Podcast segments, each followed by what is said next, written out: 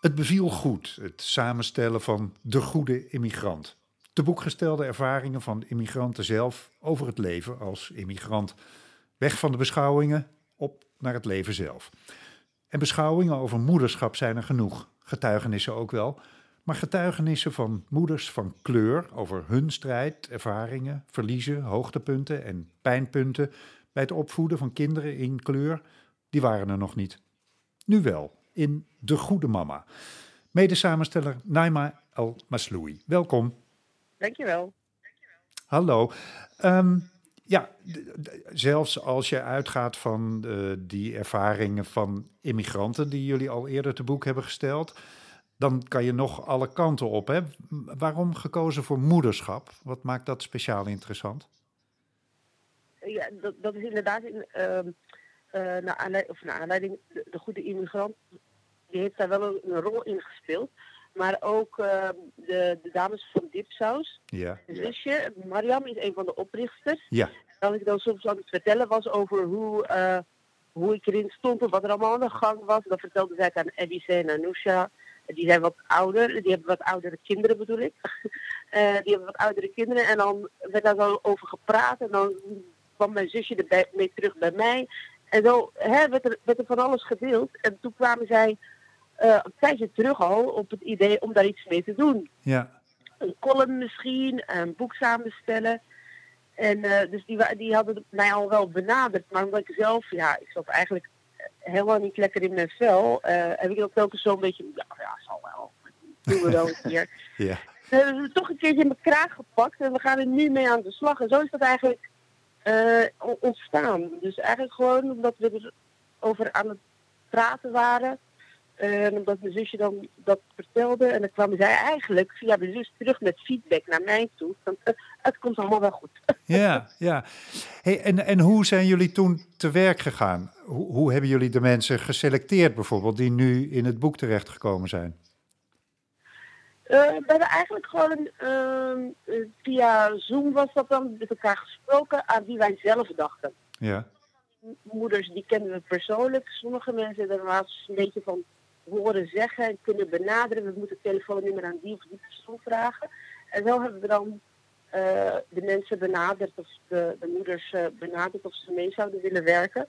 Dus sommige mensen wilden zelf, konden zelf wel het stuk schrijven. Andere mensen gaven er toch voorkeur voor om, um, om geïnterviewd te worden, zeg maar. Oké. Okay. Over gesproken worden, ja. Oké, okay, dus dat, dat zijn de twee vormen in het boek. Sommige mensen hebben zelf geschreven en andere zijn gesprekken. Ja. Ja, ja, ja, ja. de meeste hebben het verhaal zelf geschreven, maar er zijn er een aantal die geïnterviewd zijn. Ja. ja.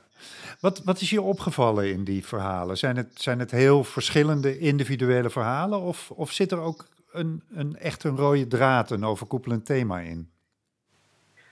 De, de, rode, de rode draad is vooral dat allemaal moeders zijn met een andere achtergrond. Hè?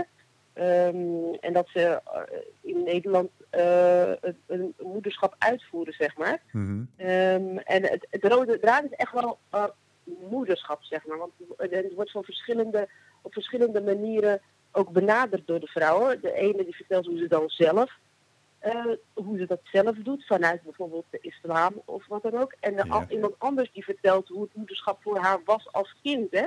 Want die is dan in Suriname achtergelaten bij oma. En toen ze dan in Nederland bij moeder kwam, had ze, ze had een moederschap voor zichzelf, hè, uh, Ja. van haar moeder verwacht. En dat was ja, heel, heel, ze kwam in iets heel anders terecht om het verhaal niet helemaal uit de doeken te doen. Ja, ja.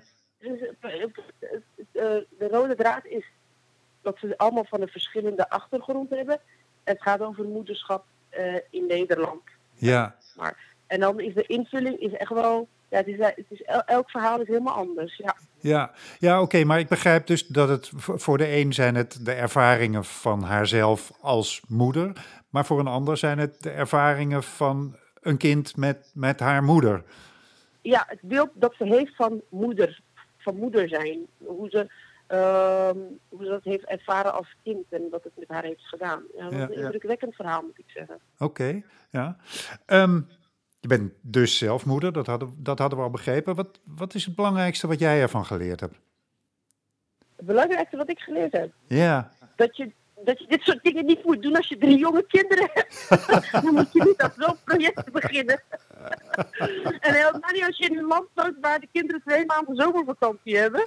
Dat is, uh, ja, dat, dat is nee, maar dat is een grapje natuurlijk. Ja, Ja.